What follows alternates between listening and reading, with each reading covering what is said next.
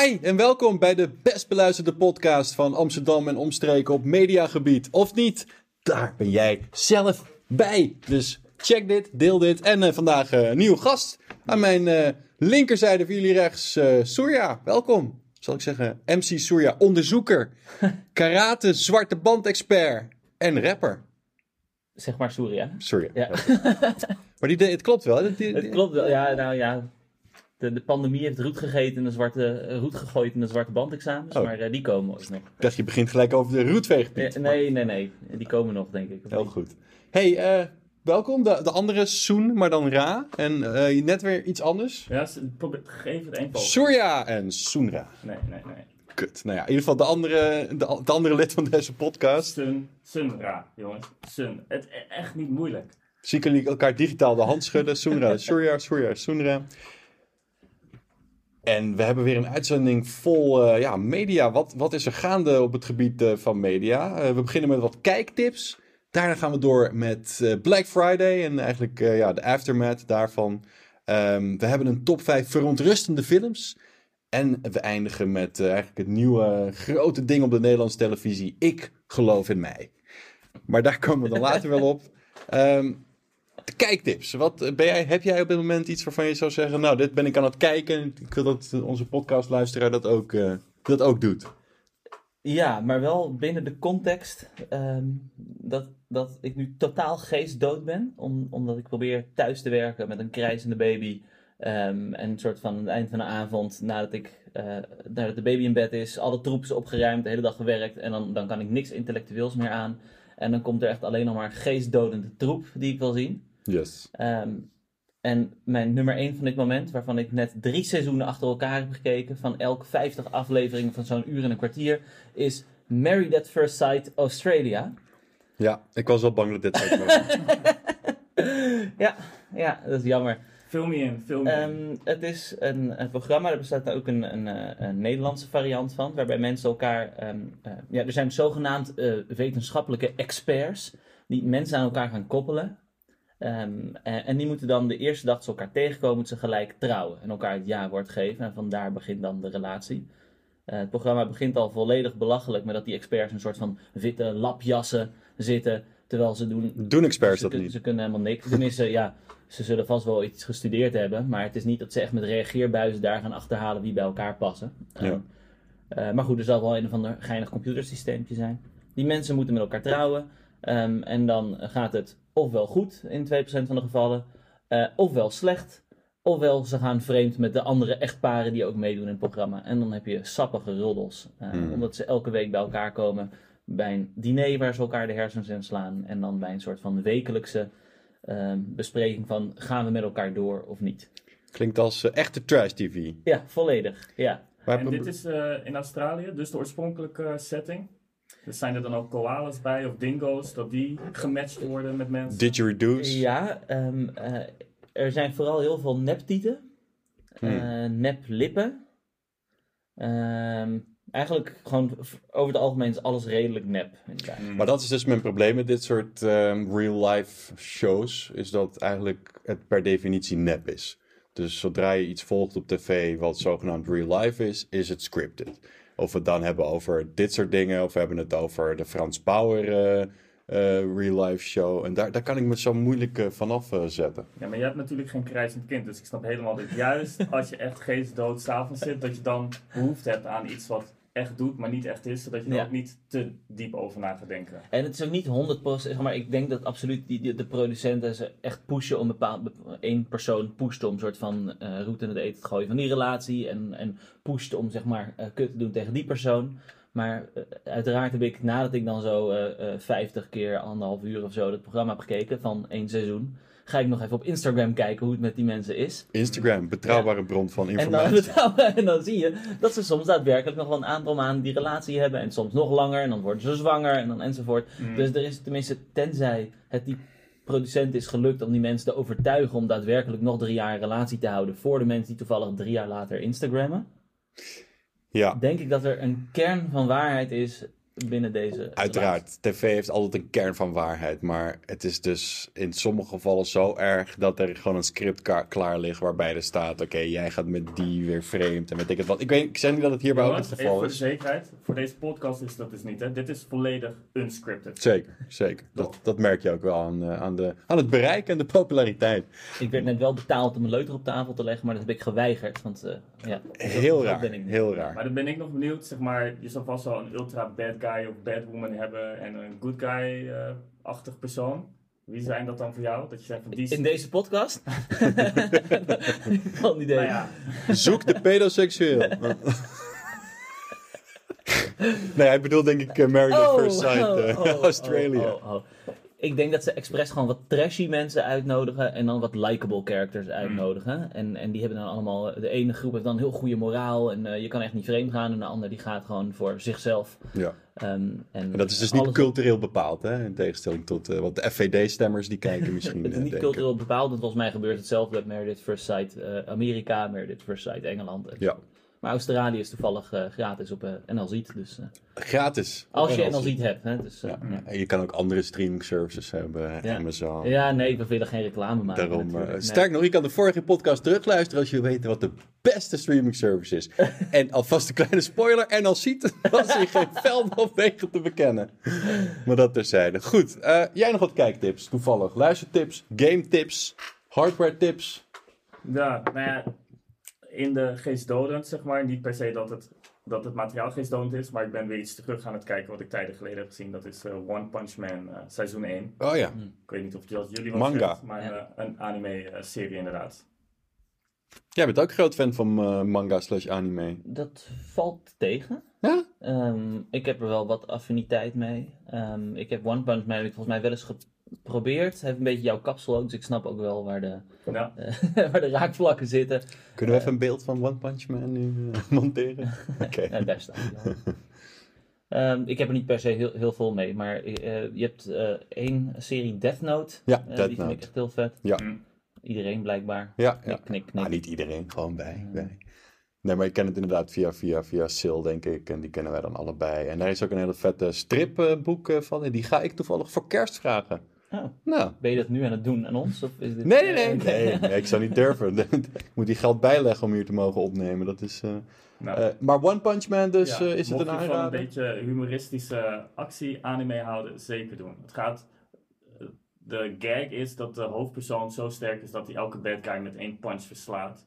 Dus ja, waar zit de spanning dan nog in? En daar weet ze echt superveel grappige dingen mee te verzinnen. En qua sfeer, qua setting, uh, is het een beetje Avatar-achtig? Of, uh, ik bedoel niet de film, maar de Laat zeggen, het is een alternatieve uh, aarde ja. die ongeveer in deze tijd gezet is. Dus met, ja. met technologie die je verwacht en omgangsvormen die je verwacht. Ja. Alternatieve aarde, daar keer ik zo meteen naar terug als we klaar zijn met de podcast. Maar goed, dat hoeven jullie allemaal niet te weten. Potgrond. alternatieve aarde. Nou, uh, ik dacht dat jullie het nooit zouden vragen, maar ook ik heb een paar uh, kijktips. Hebben we daar nog tijd voor? Ah. Um, ik heb laatst een uh, Cineviel pas aangeschaft. Nou hoop ik dat we niet al te veel rats hebben in onze populatie hier. Maar ik heb dus gelogen, zodat ik hem goedkoper zou krijgen. Want ik vond 21 euro vond ik vrij prijzig. Dus toen zei je dat je student was? naast zoiets, ze hebben een bepaalde leeftijdscategorie, leeftijdsgrens. en ja, ik deed van, ach joh, 84, 94. Dus ik heb gewoon 94 uh, ingevuld. Ook zeg maar om te kunnen, als ze me erop betrappen, om te kunnen zeggen van... Oh ja, maar dat is maar één cijfertje, snap je? Dus ik heb niet echt alle jaartallen veranderd, alleen maar één. Maar goed, dat even terzijde. Dus nu kan ik uh, lekker naar de bioscoop. Nou, dat doe ik dan ook. Ik ben al vier keer geweest. Um, ik heb onder meer de Painted Bird gezien. Daar komen we later nog op terug in onze top 5 verontrustende films. Mm. Ik heb Mank gezien van David Fincher, die nu ook op Netflix staat. Dus dat ik net zo goed thuis kunnen blijven. Maar iedereen die Netflix heeft, uh, ga dat zien. Een ode aan de cinema, de oude Hollywood cinema, zeg maar. Zwart-wit ook, dus dat moet je leuk vinden. Gaat over de tot, totstandkoming van Citizen Kane en het script daarvan. En is gebaseerd op de schrijver van het script, die Mankiewicz heet. En nou, omdat Amerikanen heel slecht zijn in uh, het uitspreken van uh, namen. Überhaupt heel slecht zijn in dingen die moeilijk zijn. Uh, in, dingen. in dingen. Zoals landen regeren. landen regeren, presidenten kiezen. Nee hoor, dat hebben jullie goed gedaan. De laatste keer dan. in ieder geval heet die film dus Mank. En wat ik ook heb gezien is, dat was gisteren, is een tekenfilm voor volwassenen, zoals dat er mooi heet. Een Ierse tekening, dat is dus echt met de hand getekend, dus maar die oude stijl. Ehm, dus ergens ziet het er een beetje simplistisch uit en ergens ook super kleurrijk, omdat alles heel mooi is inge... Smurf denken, snorkels, dat soort stijl? Of? Nee, het is dus voor volwassenen, dus ik weet niet in hoeverre dat eh, eh, voor volwassenen is. Eh, en het komt ook op Apple Plus, dus als je Apple Plus hebt, het is een van die vijf producties die Apple Plus in een jaar heeft. Dit is geen hentai. Nee, geen hentai. Nee, Tot nee. nu toe kwam de omschrijving nogal overheen. Ja, nee, het heet Wolfwalkers. Het gaat over een meisje die dan eh, gebeten wordt door een wolf. En dan eh fantasievolle Oh, maar die hangt nu zelfs in de Abris eh, in Amsterdam. Oh, ja, dan ga je al. Dan ga je al. Ik vond het, het, ik vond het leuk, maar ik had er meer van verwacht. Omdat het zo wordt gemarket als een tekenfilm voor volwassenen. En het was ergens alsnog best wel simplistisch. Het ging over een jong meisje. De bad guy was gewoon boos. Eh, maar echt heel mooi eh, gefilmd. hè. Binnenkort ook Ghibli. Light dan? eh, Ghibli Light, zeker weten, zeker weten. Song of the Sea is een andere film die deze studio maakte. En Sean Bean gaf een stem. En het laatste wat ik even ging wil... dood? Dat is toch de joke Goeie vraag, ja. Sean. Bean gaat altijd dood in Lord of the Rings en Game of Thrones. Ik Dat is niet zou Kenny van. South Park? Of is dat weer een andere? Ja, dit Zo, gaat zo, zo zit ik een beetje in mijn acteurs. Dat is een beetje mijn niveau. Nee, dit is wel echt... eh, dit is wel een notoire doodganger. Het zou kunnen dat hij dood, dood ging. Ik weet het niet zeker. En het laatste wat ik mee wil geven... En dan gaan we snel over naar dit eerste onderwerp. wat? Ik kijk nu achter je en ik zie dat je als gast Sunra hebt opgeschreven. Zie je maar weer hoe slecht ik ben in namen. En het laatste wat ik eh, mee wil geven is... eh, mocht je Game Pass Ultimate hebben... ehm, staat nu een, eh, een point-and-click adventure. Zegt dat genre jullie nog iets? Nu gaan we zeker. echt down Absoluut. memory lane. Ja. Echt eh, Monkey Island. eh, Precies. Nou, Favoriet van mij. ik ben een enorme fan van point-and-click adventures. Zegt dat jou iets? Jazeker, je hebt de website J is Games. Daar staan er echt duizenden en duizenden. eh, ook gesorteerd op, op rankingen en zo. Dus als je dat leuk vindt, jisgames.com. Oh, en dan kun je ze allemaal games. Die staan er ongetwijfeld. Als je terugkomt, gaan we point, po- point 5 top en click games doen. Eh, dit is een game die staat nu op eh, nou ja, Game Pass. Of nee, niet Game Pass, maar ehm, Game Pass Ultimate. Eh, en eh, je- wat je eigenlijk bent is een soort Poirot. Maar omdat ze natuurlijk geen Hercule Poirot, hè, de bekende Belg die Frans praat, van Agatha Christie. En omdat ze geen... ja, deze ken je wel, hè? Deze, ja, ja, de ja, hij de blijft, hij blijft ja, bij. Hij blijft bij. Jezus. Christus, ken je die? Jezus, Eh, ja, weet ik niet. Ja. Ja. Nou ja, ehm, Staat hij op het album van Tupac? Want anders dan Tupac, ken ik hem niet, denk ik. Dit is een beetje zijn referentiekader voor de podcastluisteraar. Maar eh, het is eigenlijk Hercule Poirot die de hoofdrol speelt. Maar goed, ze hebben de rechten natuurlijk niet veel te duur. Agatha Christie zit er ook in. En wat je eigenlijk doet is gewoon een beetje door een trein heen wandelen. Praten met personages. Clues verzamelen. En die clues weer gebruiken om verder te komen. En ja, het is weer... Het is zo lekker, vind ik. Omdat je het eigenlijk... Je bent meer bezig om te kijken naar iets dan... Dat je het zelf speelt, maar toch als je zelf niet eh, bepaalde handelingen doet, gaat het verhaal ook niet verder. Dus Je kan ja, even stoppen om te masturberen. Maar, stop om te masturberen. Maar goed, daar maken we altijd tijd, tijd Hmm. vrij. Hè? Zeker. Maar serieus of humoristisch, wat is een beetje de Ehm, stijl? af en toe komt het eh, humoristisch over. Ehm, eh, op een gegeven moment zegt hij, eh, want het is dus een detective, zegt hij van... eh, This is the 60s, want het speelt zich af eh, in, in, de, in de jaren 60. We have to have evidence first before we can detain people. Weet je wel, echt zo'n duidelijke nod naar de huidige tijd. Eh, dus het heeft wel een, een humoristisch eh, Mm. toontje. Niet zo humoristisch als Secret of Monkey Island. Eh, maar ja, zeker wel eh, leuk. Dus ja. Overigens, afgrijzelijke ehm, motion capturing, voice lip syncing, dat is allemaal echt. Dus daar hoef je het niet voor te doen. Het is ook een oude game. Maar dat geldt terzijde. Goed. Eerste waar we het over gaan hebben is de hardware. Ik weet niet hoe jij in je hardware zit, maar laatst was het eh, Black Friday.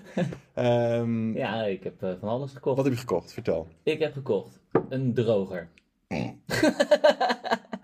Deze heb, man. ik heb gekocht, ik heb gezocht naar een ehm, eh, geluids eh, hi-fi systeem Mooi, voor thuis. mooi. Maar ik ben eigenlijk alleen bekend met studio geluidsapparatuur. Maar die, zijn, die moeten vooral eerlijk zijn, zodat je er goed op kan mixen. En nu moest het vooral lekker klinken. En ik heb dus totaal geen idee. Ik heb jou ook inderdaad nog even gevraagd. En eh, uiteindelijk eh, heb ik een eh, Sonos eh, eh, entiteit gekocht. Ik ook! Op Black Friday, wat Op toevallig. Black Friday. Sonos One toevallig. Ja, ja, ja, SL. Want ik hoef hem niet aan te, spra- aan te sturen met spraak. Want, want- Zie je? En dit is precies waar deze discussie over gaat. Laten we er gelijk eventjes bij, beginnen en stoppen. Ehm, het ging namelijk over die Sonos. De Sonos SL en de gewone Sonos. Het was mij namelijk totaal niet duidelijk wat het verschil was tussen de twee. en ik ging er eigenlijk gewoon vanuit van... Nou ja, SL, het zal wel iets kleiner zijn, iets minder geluid. Maar nee, dat is het dus niet. Het is zo dat de gewone Sonos One, tweede generatie hebben we het over, die heeft een microfoon erin, zodat je ook spraakopdrachten kan sturen. En die is dus 30 euro duurder dan de Sonos One XL, uh, uh, sorry, Sonos One SL, die exact dezelfde features heeft, maar waar je geen microfoon in hebt zitten. En stel je voor, hè, en die Sonos die staan loeihard. En dan wil je dus zeggen dat die zachter moet. Hoe denk je dat die microfoon het op gaat pikken? Echt, die Sonos. ik eh, had hiervoor een Bose, uh, daarvoor heel lang een Sony, maar deze Sonos heeft toch een waanzinnig geluid. En het, uh, het is zo'n klein dingetje. En ik, ik, ik, dacht gelijk, ja, het is gewoon te klein. Dat, kan, dat dacht heel veel vrouwen bij mij ook waarschijnlijk in de loop der jaren. Het is gewoon te klein, daar kan je niks mee. Nou, er komt een enorm geluid uit. Enorme witte smurrie. Ja, ja. Oké.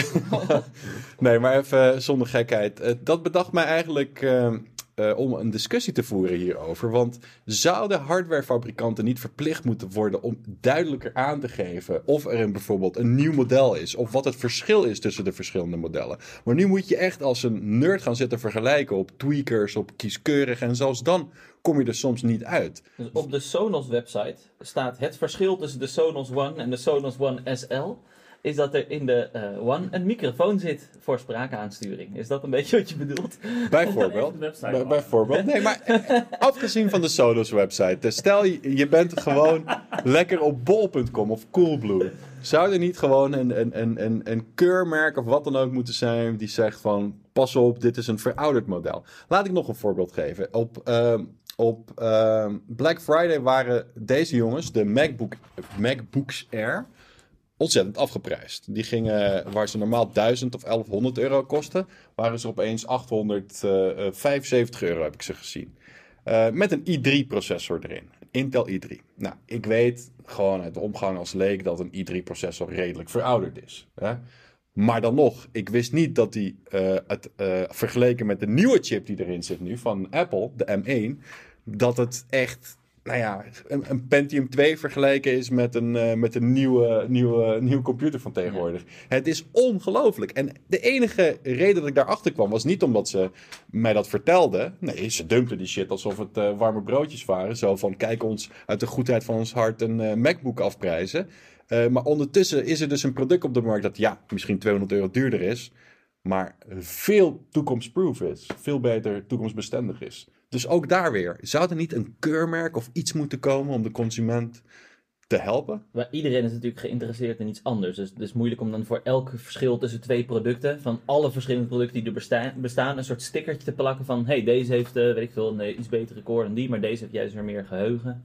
Maar ik bedoel juist meer binnen hetzelfde product. Dus als je, als je hetzelfde product, wat we nu hebben, de Sonos hebt, of je hebt de MacBook, dat er in ieder geval duidelijk moet worden gemaakt van: dit is een verouderd model. Wat uh, uh, duidelijker. hoe ga jij aan producenten vragen om hun product aan te prijzen als een verouderd model.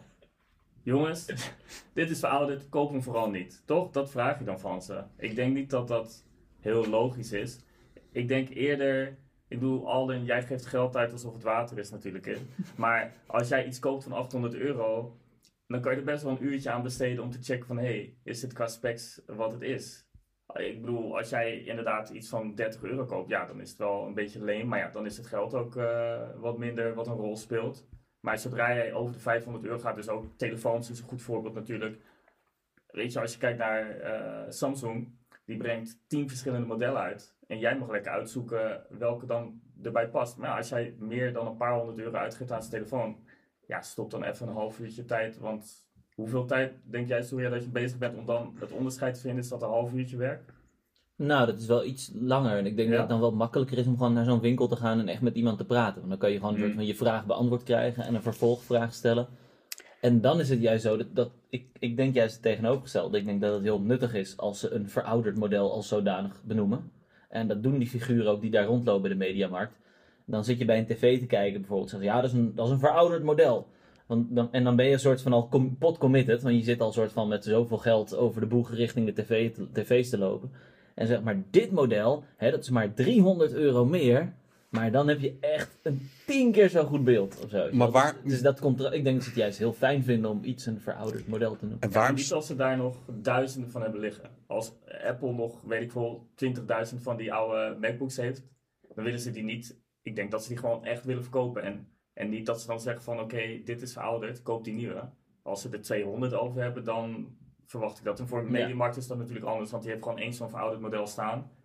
En ze schatten in of jij misschien wel te overtuigen gaat zijn om een duurder model te kopen, omdat je aangeeft er geen zak van te snappen bijvoorbeeld. Nou, Kijk, natuurlijk is er een verschil tussen eh, de fabrikant aan de ene kant en de verkopende partij aan de andere kant. Die verkopende partij zal er minder bij gebaat zijn om dit verschil duidelijk aan te geven. Maar juist daarom denk ik dat zo'n fabrikant misschien in samenwerking met de overheid eh, toch tot een bepaald keurmerk zou kunnen komen. Dat mensen zoals ik niet een uur lang of twee uur lang eh, te hoeven research te hoeven te plegen, maar eigenlijk in één oogopslag kunnen zien van oké, dit is een verouderd model. En dat je daarbij niet gedwongen wordt om het eh, eh, nieuwe model of het oude model of whatever te kopen, maar gewoon dat je geïnformeerd wordt. Want nu is het bijna oplichterij. Een oud vrouwtje, niet dat die een MacBook gaat kopen, het is toch meer een soort statussymbool voor intellectuele juppies. Niet dat ik mezelf daar onderschaar, maar toch. Wannabes. Ehm, maar ehm, zo'n oud vrouwtje gaat het nooit onderzoeken, weet je wel. En voor, voor hun zijn er ook dingen zoals eh, pas op, geld lenen kost geld. Of eh, eh, van roken ga je dood. Of hè, van zo'n vet percentage die je kan zien. En ja, eigenlijk leek dit me als, als, als nerd zijnde gewoon een heel logische vervolg. Hè. De overheid is er tenslotte voor ons burgers. En dit leek me nou een leuk initiatief om, om eens, om eens mee te maken. Nou, ik, ik, Heb je daarvoor niet de consumentenbond dan? Die heb je, tuurlijk. Je hebt de consumentenboot, je hebt al eh, bond allerlei instanties. De consumentenboot. Nee, laat die grappen achterwege. ik wil inderdaad iets over de vluchtelingen zeggen, maar ik laat het achterwege. Nee. Kom maar, kom maar consumenten, dit is het, het Walhalla. Ehm ah joh, niemand luistert nu toch. Het is al voorbij de 20 minuten, iedereen is afgehaakt. Een paar diehards en die vinden toch alles leuk. Hè mama? Ja. Eh, nee, ehm, ehm, dus vandaar. Maar ik, ik merk hier dat het eigenlijk eh, bij jullie eh, heel erg een individualistische, kapitalistische mentaliteit heerst. Van ieder voor zich en daar moet je maar zelf gewoon aandacht aan besteden als je veel geld uitgeeft. Ik denk dat het gewoon te ingewikkeld is om samen te vatten in een aantal simpele, zichtbare keurmerkjes, omdat ieder zijn eigen wens heeft. En dat je dus als je er niet uitkomt, kun je of wel zeg maar langer zoeken en dingen naast elkaar neerleggen, of naar een figuur toestappen die daar werkt, eh, of naar een winkel toe gaan of bellen of zo, zodat je gewoon eh, vraag en wedervraag eh eh kan Ja. toepassen. Het is wel eigenlijk een soort van pleit inderdaad voor de fysieke winkel. Waar je Ja, nog eens met bellen iemand in gesprek kan gaan. Want dat is dan Ja. het keurmerk inderdaad. Of Ja. dat inderdaad. En ik zou zeggen, eh, het gaat, zeg maar, je hoeft niet het beste product te hebben. Jij hebt een aantal wensen. En je wil een product dat aan die wensen voldoet. En als deze MacBook aan die wensen voldoet. Ik bedoel, en iedereen is misschien verouderd. Maar als jij toch niet meer dan een beetje webbrowsen en Netflix kijken doet. Dat gaat hij prima doen. Dus dan snap ik wel dat je het liefst zeg maar een beetje toekomstbestendig wil zijn. Maar ja, Ja. Overigens ook voor de luisteraars van de podcast. Uiteindelijk heb ik niet die van 873 euro in de afprijzing gekocht. Maar ben ik natuurlijk voor die van 1100 gegaan met de M1-chip daarin. Hè? Dan maar wat langer droog Oh, brood eh, eten. duivel. Kun je nou Eh, nog beter browsen op internet. Ja, ja nou, en, en misschien is het ook allemaal eh, eh, te eh, moeilijk gedacht. Ik bedoel, het enige wat mij prettig zou lijken is gewoon een stempeltje van pas op, oud model. Of dit is het allernieuwste model. Dus gewoon van, hè, je hebt nog eh, opties of je hebt geen opties. Want deze modellen waren wel echt heel erg verouderd. En leuk dat je dat zegt van de fysieke winkel, want dat is een ander dingetje. Omdat ik eh, de eh, MacBook heb eh, gehaald, eh gloednieuw, daar zit alleen maar een USB-C-poort op. En om deze mic te kunnen aansluiten, heb je dus een vrouwelijke USB-A naar USB-C adapter nodig. Klinkt makkelijker dan het is. Eh, ik heb eh, laatst eh, drie standaard winkels bezocht en alle drie hadden ze dit niet. Of ze hadden alleen maar de mannelijke variant naar USB-C. Dus ik begon gelijk over seksisme in de winkel en zo. Eh, of ze hadden een veel te duur product. Eentje van 60 euro. Bij Camera Nu was dat. Wow. Eh, bij BCC hadden ze een eentje van eh, Apple, maar die dient alleen maar om op te laden. Dus die kon ook geen bestanden overbrengen voor 30 euro. En uiteindelijk, wat was er nou nog meer? Nog zo'n grote winkel, die had hem ook niet. Oh ja, Bax Shop, waar ik het ding notabene heb gekocht. Die hadden echt tientallen, zo niet honderden kabeltjes. Maar ja, de, de, de vrouwelijke naar eh, eh, USB-C adapter niet. En uiteindelijk was het eh, een kleine winkel. Er werd mij geadviseerd. Het heette Computer Doctor, toepasselijk genoeg. En daar stond een man achter een balie. En ja, die haalde hem ergens uit een la. 5 euro. Nou, neem maar mee. Het is sowieso de kleine winkel. ze zijn er steeds minder. Maar Dit vind ik wel mooi trouwens, want computerdokter, dat is typisch zo'n winkel, daar fiets je langs en denk je, daar ga ik nooit naar binnen stappen. Maar inderdaad, er zit gewoon een kracht achter, dus eh, ik, ga, ik ga ook eens een keertje naar binnen. Gewoon kijken. of- Want ik heb eigenlijk een soort gelijk verhaal met eh, een of andere HDMI-adapter, die je nergens kon krijgen. En dan hier om de hoek heb je een soort van winkeltje. Ik weet niet eens waarom ik er naar binnen stapte, weet je, want het lijkt niet eens echt helemaal om technologie te gaan of zo. Maar toch stapte ik naar binnen. Wat oudere man stond daar achter de balie, dus ik dacht, ja, nou ja, oké, ik zeg het maar. Hij wist van alles, hij heeft me supergoed geholpen. Wow. En ik heb inderdaad, en nog voor een schappelijke prijs ook, heb ik zeg maar zo'n verloopstukje kunnen krijgen. Dat verder nergens te halen valt. Dus dit is zeker weer een pleit voor, eh, voor de, hoe noem je dat? De kleine retailer. het valt me trouwens op dat van de vier lampen die we hebben er twee uitstaan. Dat uh, terzijde. Oh, nou ja, laat, uh, laat eens kijken of... We zijn al wit genoeg. nee. ja, ik heb nog geen uh, Philips Hue, helaas. Ah. Ik was toen, uh, um, ik ben dus wel daadwerkelijk ook, ook nog eens een tv gekocht op, uh, op Black Friday. Jezus, je hebt echt gesplashed gewoon. En ik ben dus ook naar de Mediamarkt gegaan, om, om, niet alleen voor die Sonos, maar ook om te vragen voor, voor tv's. En ik heb nog nooit, ik heb echt al 20 jaar, zeker mondkapje op, al 20 jaar geen tv uh, in huis. Kijk gewoon op de laptop. Oh ja, daar hebben we het ook nog over gehad. Heb je nou uiteindelijk op de muur... Nou, ik moet hem nog monteren. Hij okay. is net geleverd. Ik had eerst met de zilveren rand en het moest de zwarte rand zijn. Heel verhaal, maar dat maakt niet uit. Maar goed, ik had een tv, hoe moeilijk kan het maar zijn? moet daar geen keurmerk voor komen? Ja, het lijkt me wel. Pas op, zo'n zilveren rand. Ja. ja. maar het model 85507 was dan met de zwarte rand en 85570 was dan met de zilveren rand. Nou, Geniepen. Helemaal misgegaan. Maakt niet uit, het is maar 800 kilo om te versjouwen. Geen probleem. Wat een bitches. Uh, maar dus ik, ik wist daar helemaal niks van af. Ik ging, ik ging gewoon naar de eerste tv die er zeg maar tv uitzag. En, en dus ik vroeg van nou, wat, wat, is dit goed? Ik wil op ongeveer drie meter kijken. Um, en dus, uh, nee, nee, je moet sowieso dat model en daar. En, uh, um, ik zou, en dus ik zei, maar en deze LG uh, of deze Sony? Nou, heel verhaal, het was heel duidelijk. Deze knakker die vond echt die, die LG-technologie, kijk, als je zo kijkt, zo het ziet er echt heel lelijk uit. En ik zou dit nooit iemand aanraden. Ik had die Sony, oh, het is echt prachtig. En zo bleef het maar doorgaan. En ik zag dus daarna, nadat we helemaal geadviseerd waren een half uur lang, dat dit niet iemand van Mediamarkt was, maar van Sony. Ah. Dus die lopen daar ook rond. Um, dus pas op, als je iets laat aansmeren door iemand die hetzelfde shirt draagt als het product wat je wilt kopen. Maar moet daar dan geen keurmerk ja, voor komen? Het ligt op zijn hoofd. Ja. Met groot Sony erop in. Ik kom van Sony. Ja, jongens, ik denk dat we dit uh, onderwerp uh, langzaam uh, kunnen gaan afsluiten. Ehm, misschien dat de politiek luistert en er een keurmerk komt. Maar als ik even de tussenstand en het animo hier aan tafel mag peilen, lijkt dat me in ieder geval in een democratische samenleving niet een reëel toekomstbeeld. Goed, wij gaan snel verder met een top 5. Dat doen we ook traditiegetrouw elke week. En uh, de gast mag hem eigenlijk uitkiezen. Ik maak er dan stiekem ook eentje. En deze keer uh, was het een hartverwarmend uh, top 5. Namelijk iets wat me enorm aanspreekt. Ik als kind van, van de oorlog, hè, als ik het zo mag zeggen. het gaat hier om de top 5 verontrustende films. En, nou ja, sorry, vertel, waarom heb je dit uitgekozen? Omdat uh, iets dat verontrustend is, uh, dat is een heel, zeg maar, je, je hebt van die basisemoties, hè, van oh leuk, mooi, uh, blij en oh wat romantisch. En verontrustend is iets waar je eigenlijk van weg wil rennen, maar je kan er niet helemaal je vinger op leggen. Dat vond ik een interessantere emotie om daar een top 5 van te maken. Ja. Um, en het idee is dat je een soort van heel, soort van sluimerend negatief gevoel van krijgt, ja. maar niet zo goed precies weet waarom. Ja, precies. Dus dat wilde ik je ook inderdaad vragen. Want toen ik dit ging bespreken met anderen, uh, was het meteen snel van: ja, maar wat, wat bedoel je dan met verontrustend? Wat, en voor mij was dit ook de samenvatting. Dus iets wat. Je krijgt twijfel in de mensheid doordat je het ziet. Ook dat, maar dat het ook zeg maar dagen, in ieder geval een avondje, maar het liefst dagen blijft het hangen. Liefst, het liefst, hè? Toch? Het is een soort PTSS light van een, uh, van een film. Oh. En dan wilde ik je ook uh, vragen: wat maakt voor jou een film verontrustend? Um, ik, ik denk, uh, ja, dus twijfel in de mensheid, dat, dat is een belangrijk aspect. En vaak, kijk, het is natuurlijk makkelijk om, om iets met heel veel gewoon nare beelden en allemaal rondvloepende organen en zo.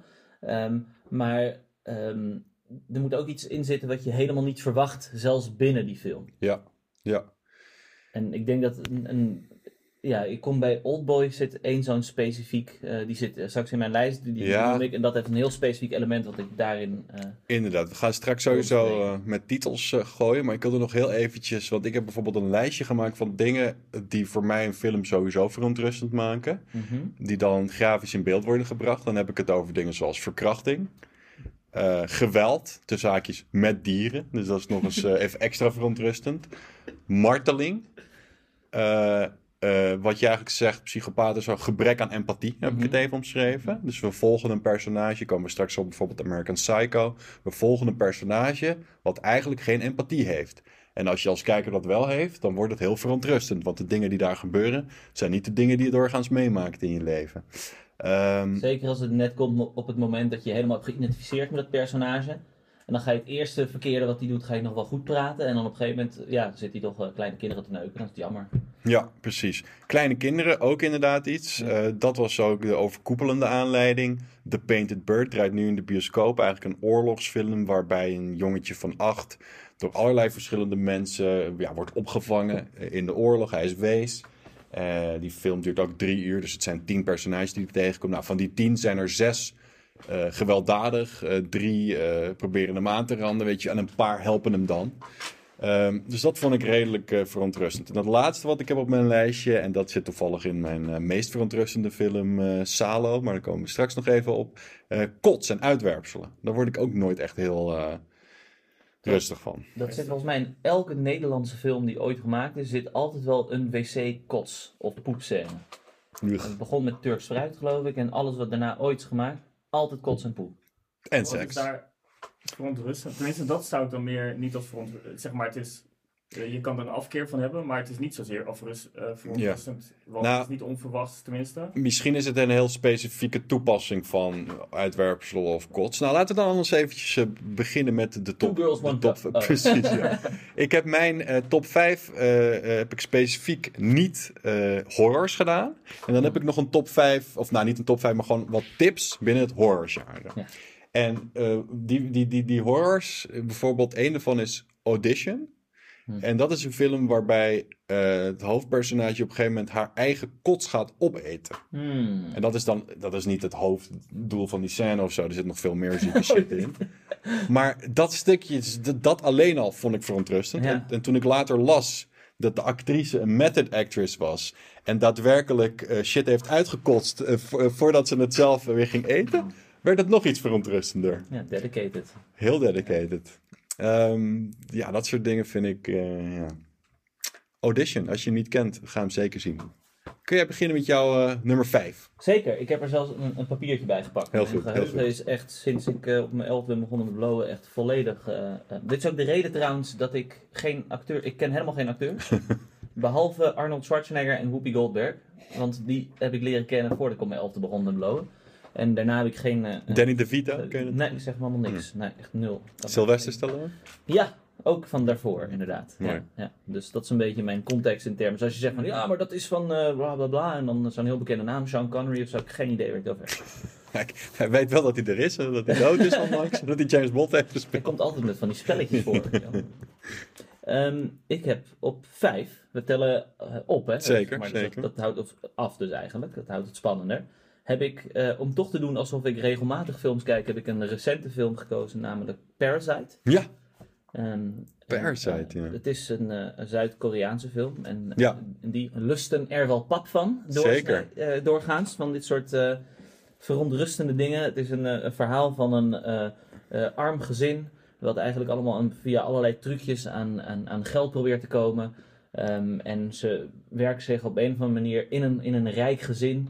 Als, eh, volgens mij als eerst, in eerste instantie als bijlesleraar of als schoonmaker. ja, of ja, oppas. Ja, dan van alles. en dan de rest van het gezin wordt soort van ook naar binnen gelokt. Dus de, de, de zus wordt de oppasser, de, de, de, de moeder wordt schoonmaker, de vader wordt de pianoleraar enzovoort. Maar het verhaal is bekend, geloof mij. Het is de eerste niet-Engelstalige film die de Oscar voor oh beste ja, film won. allemaal Oscars. Maar wat vond je er zo verontrustend aan? Want ik vond het zelf een hele goede film. Maar ik vond hem niet per se verontrustend. Of het moet die eindscène zijn. Het is ehm, nou een, een deel daarvan. Ik moet zeggen, ik heb hem ook op vijf, omdat je verwacht hem ook een beetje. En het is een beetje recht toe, recht aan.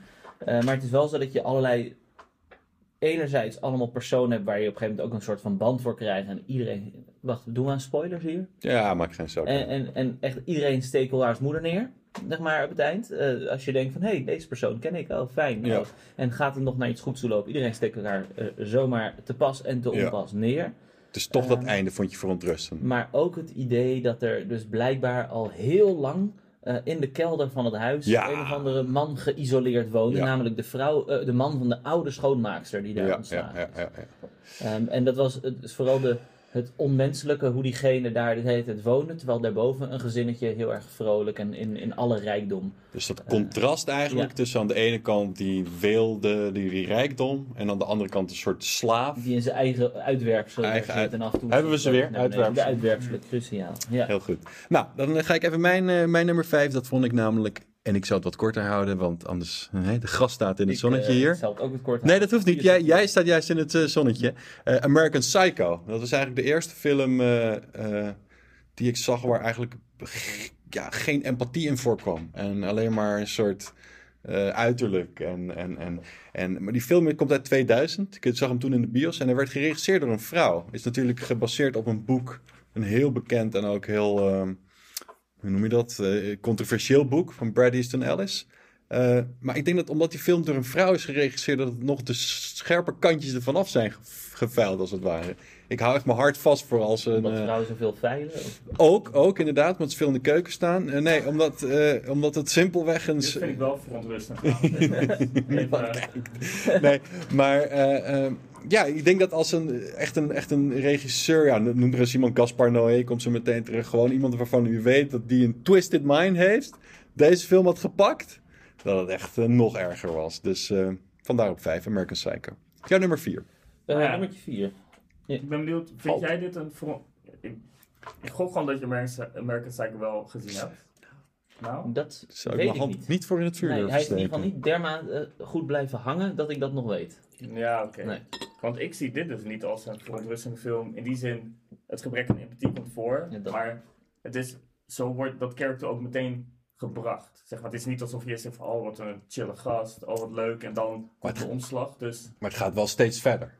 Het begint Ja, als ja. Een, iemand, een zakenman die, die, die geen empathie heeft. En hij eindigt als een zieke seriemoordenaar die een, een, een dakloze neersteekt omdat hij hem aanspreekt. En dat vond ik, precies. ik vond dat, het gaat steeds verder en verder. En, en hij heeft zo weinig respect voor zeg maar mensen. En ja, dat, dat, dat vind ik verontrust. Nou, voor mij maakte dat het dus makkelijk om afstand te nemen van het karakter en meer een soort van comic book character te zien. Niet dat ik niet denk dat dat soort mensen er bestaan, want die zijn er heus, maar Ja. Sterker nog, eh, de kijkers die er nu nog zijn, eh, heel die moeten wel van Die apart... eh, masochistisch ja. eh, zijn ingesteld. Nummer 4.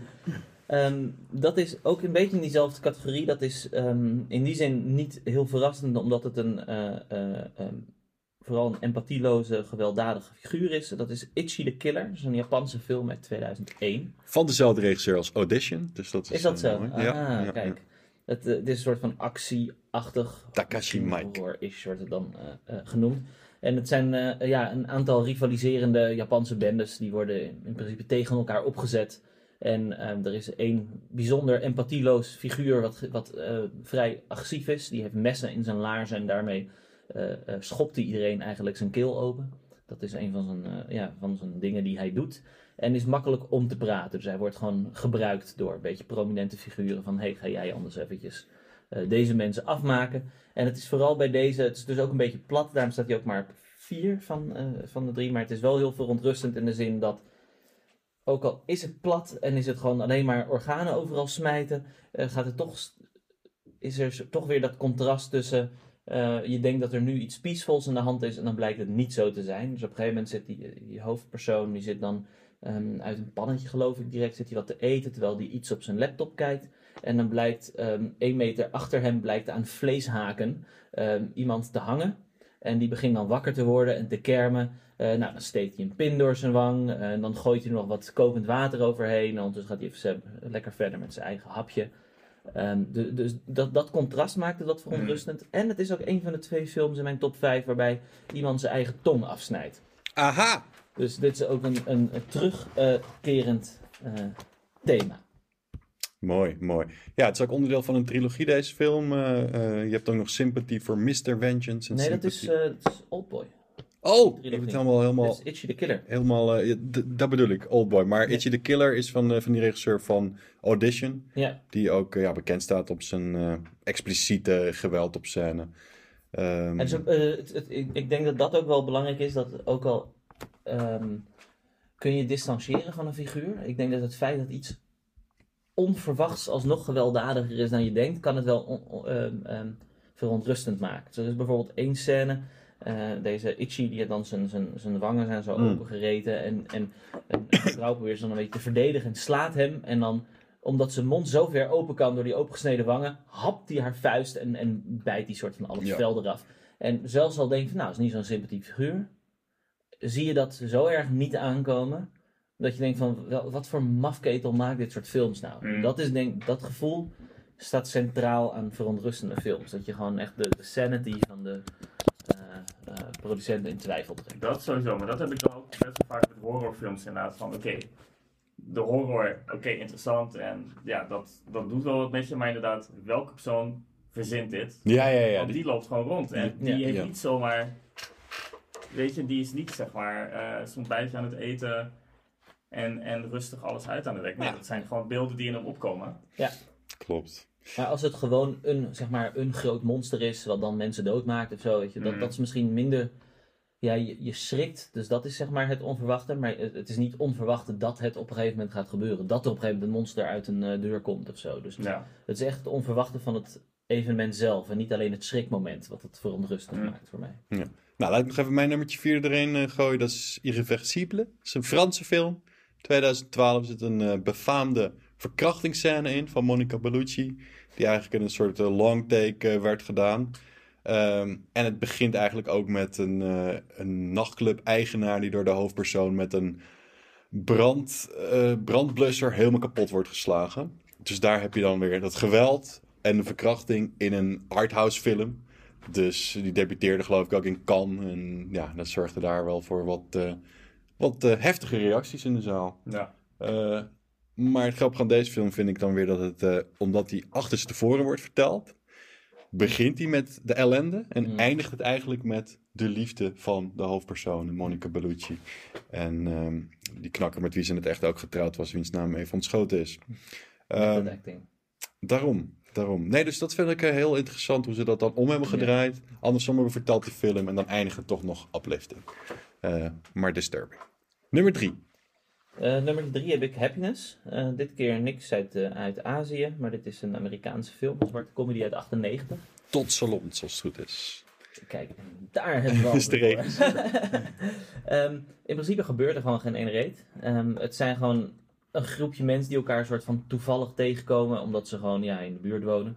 Ehm, en het lijken gewoon allemaal heel saai en heel normaal. Eh, maar de, de, de camera gaat als het ware om de beurt één persoon of één gezin een beetje volgen. En Ja. dan blijken ze allemaal echt een issues te hebben. Dus eentje lijkt, eh, kijkt heel erg op naar een andere persoon die veel succesvoller is. Diegene die veel succesvoller is, die vindt dat ze alleen maar hetzelfde trucje herhaalt en eigenlijk niks waard is. Dan heb je een geestelijke eh, die seksueel gefrustreerd is en die gaat dan als heiger bellen naar die succesvolle persoon. Dan heb je dat gezin waarvan de ouders geen seks meer hebben en dan blijkt eh, dat die vader pedoseksuele gevoelens heeft naar het eh, vriendje van zijn zoontje. Hm. Het is een en- mozaïekfilm. Eh, het wordt opgebouwd Ja. uit verschillende personages. Een soort Magnolia, maar dan X-rated. En het is inderdaad heel erg... Ja, je ziet heel erg dat, dat menselijke of zo. Dus heel menselijke emoties. Maar dan een beetje de, de wat verontrustende menselijke emoties. alleen maar pijnlijke en ongemakkelijke momenten achter elkaar. Ja. Door de achtergrondkennis die je steeds een beetje erbij krijgt. Dat je weet dat alles wat ze zeggen, elke keer zeggen van hallo, zit er zoveel achter dat ze zich on- onpasselijk en ongemakkelijk voelen dat je Ja. als kijker meedenkt. Ja, ik begrijp volkomen. En er zit ook een eh, masturbatiescène in met Philip Seymour Hoffman. Sowieso een van de grootste acteurs van eh, zijn tijd en eigenlijk alle tijden. En ja, dat is gewoon de, de, de, de viezigheid druipt er eigenlijk eh, vanaf. eh, eh, happiness. Goeie keuze. Jij bent trouwens ook, uh, tenminste je hebt psychologie gestudeerd toch? Ja. Wat mij dan interessant lijkt, als we het toch over keurmerken hebben. Dus je hebt het over pedofilie, je hebt het over eh, verkrachting, je hebt het over dit en dat. Wat mij dan interessant als keurmerk lijkt, is dat je bij zo'n film dan ook te horen krijgt van, hé hey, weet je, 1 op de 100 mensen is een pedofiel. En dat je dan, zeg maar, dat is verontrustend als je dan Oh, om je ja, heen ja. kijkt. Gewoon als je, weet ik veel, in de supermarkt loopt en denkt van, wacht eens even. Jezus. Twee, één persoon hiervan kan inderdaad gewoon eh, iemand verkracht hebben. Eén persoon. Dat lijkt mij, Dat is een Dan- mooie disclaimer voor het eind van de film, inderdaad. Dus Ja. je net dit allemaal hebt gezien. Ja. En dan heb je zo'n disclaimer die zegt van... Hey, grote kans dat als je vandaag naar buiten bent geweest... dat je op zijn minst drie eh verkrachters Wow. bent tegengekomen. Dus bovenop mijn redelijk mislukte liefdesleven, mijn carrière, financiële dingen, moet ik dan ook nog eens hiermee rekening zien te houden. ja, Oké, Want succes. Hoeveel mensen hebben een gebrek aan empathie? Ik, ik zeg maar, dat, daar zal vast wel een statistiek voor Ja, zijn. tuurlijk, Ik die is weet er het wel. niet, maar... Ik ken op inderdaad de duizend ja, ik niet zeggen dat, dat dat wisselt natuurlijk. Iedereen zit ergens op de schaal van empathie. Ja. maar laten we zeggen dat je dan eh 5% van de mensheid hebt die, die echt verschrikkelijk laag zit of zo. Hmm. Ja, als je dat weet en dus weet dat is 1 op de 20, Ja, dat het is is heel iemand in jouw familie. Ja. Nou, mijn nummer drie is gelukkig, eh, is gelukkig niet zo, komt niet zo heel vaak voor. Dat is namelijk het verontrustende daar is genocide. En ik heb het hier over eh, Son of Saul, een Hongaarse film uit 2015, die zich eh, helemaal afspeelt door de ogen van iemand die bij de concentratiekampen, een Jood, eh, meehelpt met het eh, opruimen van de lijken. Dus je had, in die tijd had je eh, ook Joden die zichzelf vrijwilliger, als vrijwilliger aanmelden voor het Sondercommando, zo heette dat. En het eigenlijk wat zij deden was meehelpen om de Joden naar de concentratiekampen, concentratiekamers daarbinnen te, te brengen en die weer op te ruimen. Nou, dit is zo ehm, op zijn huid gefilmd wordt het, Hm. Dat het zelfs de omgeving is geblurred, omdat zich- de focus ligt echt op het hoofdpersonage. Dat is die Saul. En zelfs, da, zelfs daar ja, mee is het nog steeds extreem verontrustend om die Factories of Death Hm. te zien.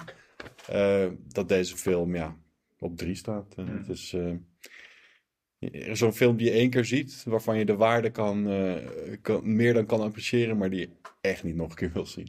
En het is dus bizar dat dat juist gebaseerd is op iets wat daadwerkelijk heeft plaatsgevonden. Precies.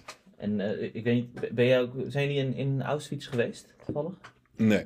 Nee, dus daar kan je dan heen gaan en dan nu, ehm, ja natuurlijk gebeurt daar niet zoveel meer behalve toeristen. Ja. Maar alleen al de gedachte van wat daar heeft plaatsgevonden op die plek, terwijl er nu gewoon een paar houten banken en een muurtje daar en het is eh, ja, Ja. overblijfsel, maar nu gebeurt er niks. Maar alleen die gedachte al maakt het inderdaad heel verontrustend. Maar dit is dan het eerste verontrustende wat echt gebaseerd is. Ehm, nou, niet echt, maar gewoon een, een, ja, een, Ja, reconstructie is- is op, op iets wat, wat heeft plaatsgevonden. Precies. En dan niet eens vol gefilmd, maar een soort van. Ja. Ja. Hmm. ja. Nou, Misschien iets wat hier aan gerelateerd is.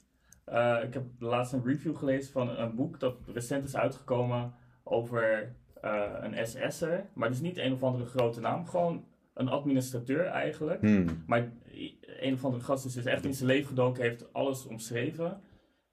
Wat dus ook heel verontrustend is, want het zijn niet die grote namen die mensen vermoord hebben. Maar dit is dan zo'n gast, een soort van accountant eigenlijk. ja, de die- boekhouder van Auschwitz, was dat hem niet? Nee, Ja. eh, nee, nee, dat niet. Maar zo iemand, maar nog kleiner, zeg maar. Maar dat zijn dus de mensen die heel normaal werk doen. Gewoon Ja. een spreadsheetje bijhouden. Maar er dus voor zorgen dat 6 miljoen mensen gewoon ja. eh, afgrijzelijk afgemaakt kunnen worden. En dat is... De, ja, het boek, ja, ik ben ook niet zo goed met titels en dat soort dingen. Maar zeker een aanrading vervolgens die review. En ik kon me helemaal voorstellen dat dat echt een heel krachtig verhaal wordt. Omdat je ziet hoe mondain, mondain, mondain, mondain Mondain, eh, zeg maar, tot eh, heel verontrustende dingen kan leiden. Ja, Ja. precies. Ja, zoiets groots als, als genocide, volkerenmoord, dat kan je niet doen zonder dat er ook gewone mensen daar meedoen. Dat Ja. is zo Ja. veelomvattend. Eh, maar goed, voordat we alle luisteraars kwijtraken, snel door met nummer twee. Ehm, Verontrustende films, hier bij nerdbirds.nl. De enige titel die je echt moet onthouden. Tun, tun. Eh, Oldboy. Eh, Ja. Je hebt net al eh, genoemd. Eh, ook weer een to toevalligerwijs een Zuid-Koreaanse film uit 2003. En zoals jij zei, die is inderdaad onderdeel van een drieluik aan films die gaan over wraak. Ehm, en ehm, wat was nou Sympathy for Mr. Vengeance en Sympathy for Lady Vengeance zijn de andere twee. Ja. En dit gaat over een, een, een knakker die ineens soort van wordt meegesleept en 15 jaar lang in een soort van custom-made gevangenis wordt Ja. vastgehouden. Hij komt eruit, komt erachter dat zijn vrouw is vermoord en wil wraak nemen. En dan komt hij een, een, eh, een, lieftallige dame tegen. Ehm, eh, spoiler alert, eh, dat blijkt dan zijn dochter te zijn. En mensen willen dan zeggen dan van, hé hey, luister, dat is jouw dochter en we gaan het haar vertellen. Hij wil haar in bescherming nemen, wil misschien ook die relatie in bescherming nemen. En snijdt wederom zijn tong eraf en geeft die tong aan die mensen om te laten zien van, kijk, ik zal ook niet meer praten, gaan jullie dan ook alsjeblieft niet praten. Ja. Ehm, Verontrustend. en het is heel verontrustend.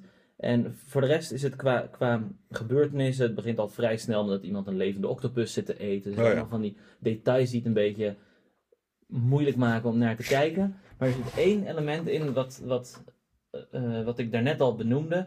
Eh, op een gegeven moment, nou, heel veel vechtscènes, maar je hebt dus één scène waarbij ehm, eh, die hoofdpersoon met een hamer iemand zijn schedel wil inslaan. En dat is het enige moment in de hele film dat er een soort animatie in getekend is. Namelijk, het stopt op het moment dat hij die hamer zo heeft en er wordt zo'n stippellijntje getekend in beeld. Helemaal tot aan het hoofd van die persoon. Oh ja, ja. Daar stopt gewoon even zo drie seconden staat zo stil en dan slaat hij de- dat hoofd in. Hmm. En terwijl er zoveel agressieve vechtscènes in die hele film zijn, Ja. hebben ze bij deze alleen gekozen om ineens één getekende animatie te doen. Ja. En dat maakt echt dat je denkt van, wat, wat de fuck heeft die, heeft die regisseur in zijn knar, zeg maar. Wat, wat is dit voor? Sowieso een geweldige film van een geweldige regisseur. Die later ook de Handma eh, Handmaiden heeft gemaakt. Niet voor met de Handmaiden's Tale. Die hebben wij toen ook nog gezien. Een Zuid-Koreaans erotisch thriller. Met. eh, Zat ik toen lekker tegen je aan op de bank? nou, niet, niet alleen jij, maar met, eh met Sil er ook bij. Ja, dat was helemaal top.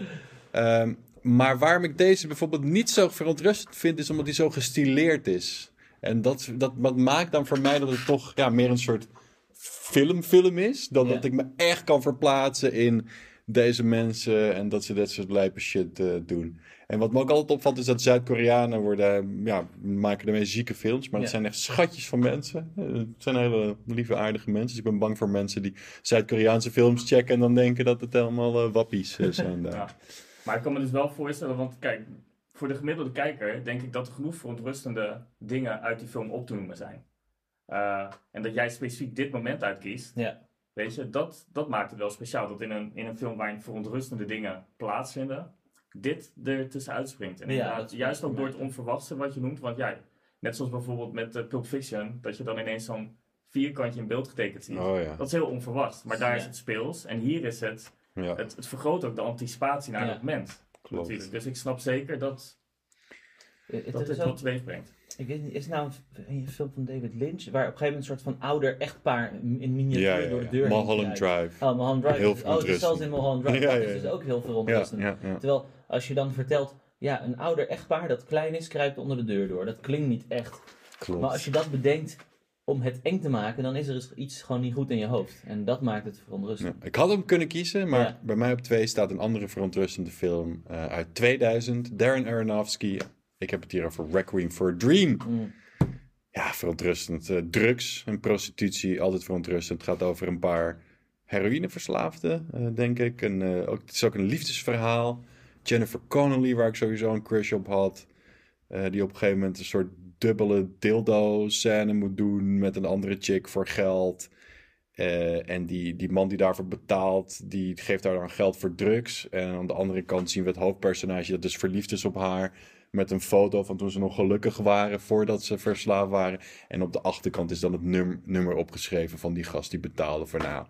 Hou op, schei uit. Dat was voor mij echt, eh, ja, echt een film waar ik eh, lang van moest eh, herstellen. Omdat aan de ene kant kun je hier wel inleven dus in die mensen. En geloof je dat ze echt verliefd zijn op elkaar. En aan de andere kant zie je dus hoe destructief drugs zijn. En wat het allemaal losmaakt. Ehm, ja.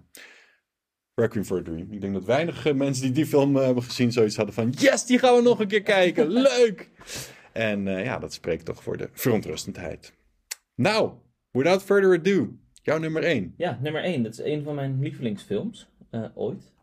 Kinodontas of Dogtooth. Dat is een Griekse film uit 2009 als ik het correct heb opgezocht. En dat is een ja, soort ja, drama binnen een familie. Het is één gezin. Een man en een vrouw met drie volwassen kinderen. En eh, die zijn eh, van mening dat de buitenwereld dermate slecht is dat ze hun kinderen niet willen blootstellen aan die buitenwereld. En die bedenken allemaal leugens om die kinderen binnenshuis te houden. Die zeggen pas als je, je hoektand eh, eruit is, dat gebeurt op een gegeven moment vanzelf of zo, dan is je lichaam oud genoeg om de buitenwereld aan te kunnen. Dus die kinderen hebben nog nooit buiten het hek van de tuin gezien. En dat zijn dus ook kinderen van 18, 20, 22 of zo. En die hebben gewoon alle dingen die wij ook in die periode meegemaakt hebben, doen zij ja, daar. Ehm, dus die vader neemt op een gegeven moment ook voor de seksuele ontwikkeling, neemt hij wel een meisje van de zoon, een meisje mee van zijn werk. Maar die mag ook niet al te veel zeggen. Eh, want anders dan ja, wordt het duidelijk dat er een hele buitenwereld is waar mensen komen. En op een gegeven moment doet ze dat dus toch. En dan zegt hij, nou, jij mag er niet meer in. Dus zoon, kies jij maar een van je twee uh, dochters om uh, voortaan seks mee te hebben. Want je moet je toch ontwikkelen op dat gebied. Ja. er is ook een, een, mooie scène waarin er ineens een kat de tuin inkomt. En ja, die komt van buiten de schutting. Dus dat is moeilijk te verklaren. Um, dus, dus wordt er gezegd, van, ja, dat is gewoon een heel gevaarlijk beest. En dan zie je een mooie scène van die zoon die dan met een heggenschaar zo'n lief klein poesje helemaal kapot steekt. Um, uh, nou goed, en het, het, het, gaat zo zomaar door. En misschien is het meest verontrustende wel van deze film, zijn de scènes waar ze een gezellig familiemoment hebben. Um, op een gegeven moment is volgens mij de vader, of de moeder, de vader is volgens mij jarig. En dan gaan de, de twee, drie volwassen kinderen gaan een liedje en een dansje opvoeren. Maar ze zijn nog nooit buiten geweest. Dus ze zitten daar met een soort van stalen gezichten te doen alsof ze het een beetje leuk hebben. Um, en het is heel onheilspellend. wij uh, ja, nu. Ja, precies. Ja. En het is gewoon heel onheilspellend, omdat ze hebben natuurlijk een soort van het naaste leven wat er is. Maar ze zijn daar gewoon vrolijk een dansje aan het doen. Hmm. Uh, een gezellig familieportretje aan het maken. Um, ja, ja, ik vind het een fantastische keuze. Um, een van mijn favoriete uh, moderne regisseurs, zo je wil. Yorgos Latimos. De meeste mensen kennen hem natuurlijk van The Favorite. Een paar jaar geleden won ook een paar Oscars, waaronder voor beste vrouwelijke hoofdrolspeelster. Um, en maakte ook The Killing of a Sacred Deer, The Lobster. En eigenlijk al zijn films kenmerken zich door zwarte humor. Heel veel zwarte humor en een, uh, een, realiteit binnen de onze. Dus inderdaad mensen die andere mensen vasthouden, misbruiken, weet ik het wat. Uh, het grappige ook aan uh, de Dogtooth, wat zijn internationaal doorbraak was, is dat die expres wilde filmen alleen maar in het zonlicht, mooi weer, ja. zodat het contrast eigenlijk met nou ja, dit, dit leven en deze mensen nog groter wordt. ja, uitstekende keuze. Ik zag hem ooit op Nederland 3 of zo. Dan kwam hij gewoon langs. Ik denk, oh, ik blijf kijken. En inderdaad, van, eh, van de, de ene incest naar de andere mishandeling. En dan dat einde, hè, de dogtooth uit de titel komt nog eens terug. Woe! Uitstekende keuze. Kleine context uh, van wanneer ik hem heb gezien. Um, ik, uh, ik, had deze uh, DVD, of wat misschien al video, weet ik van wanneer het was. Nee, DVD wel geleend of gehuurd bij de, bij de videotheek. Um, de video wat? Ja, precies. Dat was iets van vroeger. Wauw. Um, en die heb ik genomen. Ik had eerst paddo's genomen die avond. En toen die een beetje begonnen uit te werken, toen dacht ik, nou, nu kan ik wel weer een filmpje kijken. Ja. Nou, en uh, toen uh, heb ik deze gekeken. Ja, uitstekend. Kleine disclaimer: geen paddo's gaan doen en dan een van deze films kijken. Nee, goed. Laat ik dan met mijn nummer 1 afsluiten. Want we hebben nog een heel onderwerp te gaan. maar niet voordat ik een paar tips heb gegeven. Dat zijn dus die horrorfilms die verontrustend zijn. Hey, ik noem een Texas Chainsaw Massacre. Ik noem een Human Centipede. Ah. Ik noem een Serbian film. Ik noem een Martyrs. En Audition, die hebben we al gehad. nou ja, ik, ik, ik, normaal geef ik kijktips, nu geef ik eigenlijk niet kijken. Op nummer 1, mijn meest verontrustende film aller tijden. En ik denk ook wel een van de meest verontrustende films ooit gemaakt. Uit 1975. Van de man met de mooiste naam uh, binnen de hele cinema ooit. Dat is, uh, let op, Pier Paolo Pasolini. Een Italiaan, een eh, marxist, een communist, die uh, in zijn laatste film, uh, bleek het later, Salo, or The Hundred Days of Sodom, zoals het heet, gebaseerd op een boek van Marquise de Sade, gaat eigenlijk over fascisten die een stel jongeren gevangen nemen in een villa. Um, en ondergaan aan de meest gruwelijke martelingen. Dus dan hebben we het over.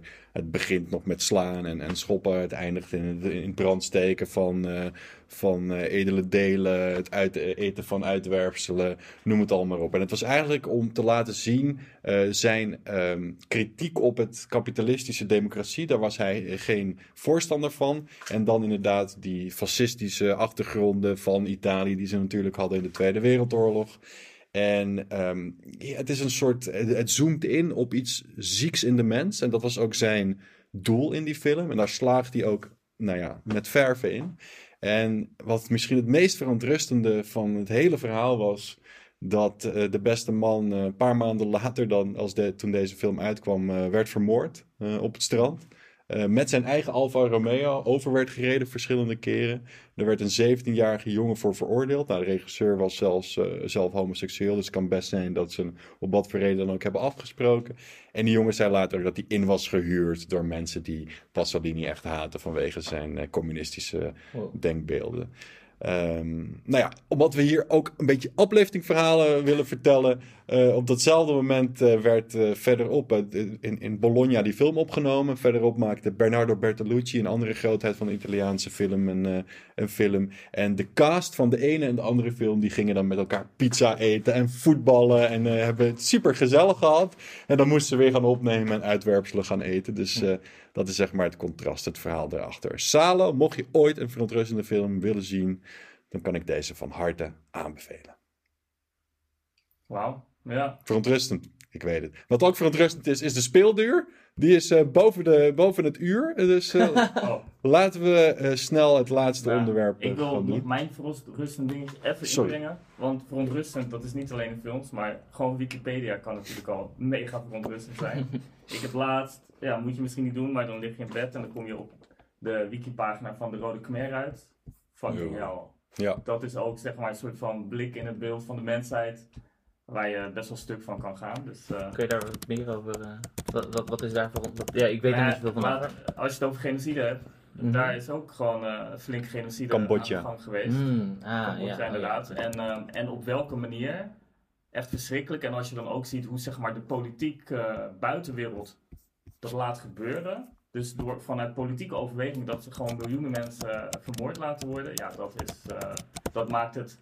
Tenminste, dus de dingen die de Rode Khmer deden, dat was Ja. al verontrustend. Maar als je ook laat zien in wat voor speelveld dat kan plaatsvinden, echt eh, heel naar. eigenlijk kan je bij elk eh, globaal, of niet, niet eens globaal, maar elk conflict van de laatste 50, 60 jaar, eh, inclusief de Tweede Wereldoorlog, waarbij er genocide plaatsvond, dan kan je gaan inzoomen op de rol van de westerse eh, politiek. En dat is al verontrustend Ja. genoeg. Hm. En Cambodja is daar geen uitzondering in, en Bosnië ook niet. En al, Nee. Eh, ja, dus, Eigenlijk eh, zou je iedereen die zeg maar een beetje een tendens heeft om verontrustende praktijken toe te passen, zou je een baan als regisseur moeten aanbieden. Zeg jij mag nu een hier heb je eh, een miljoen euro, maak een film. ja, En dan maken ze een verontrustende film en dan, dan hebben ze hun catharsis ook weer gehad. Precies. Nou, laten we snel de stap zetten naar een andere verontrustende show. Eh, niet zo verontrustend als wat we net zagen, maar toch behoorlijk verontrustend. En dat is eh, Ik geloof in mij. Het kijkcijferkanon van SBS 6. Eigenlijk een soort man bij het hond meets idols, zo je wil. Oh, dat ding. Eh, waarbij er eh, eh, Nederlandse zangers van het Nederlandse levenslied. Dan heb ik het niet over Tony Martin of Tino Martin of hoe die ook heet. Of André Hazes. Dan heb ik het echt over een beetje die laag daaronder. Ik noem hem René Leblanc. Of zoals hij eigenlijk heet, René de Wit. Die ondertussen trouwens overspannen is door het succes van Ik geloof in mij. Maar in ieder geval, deze mensen worden gevolgd.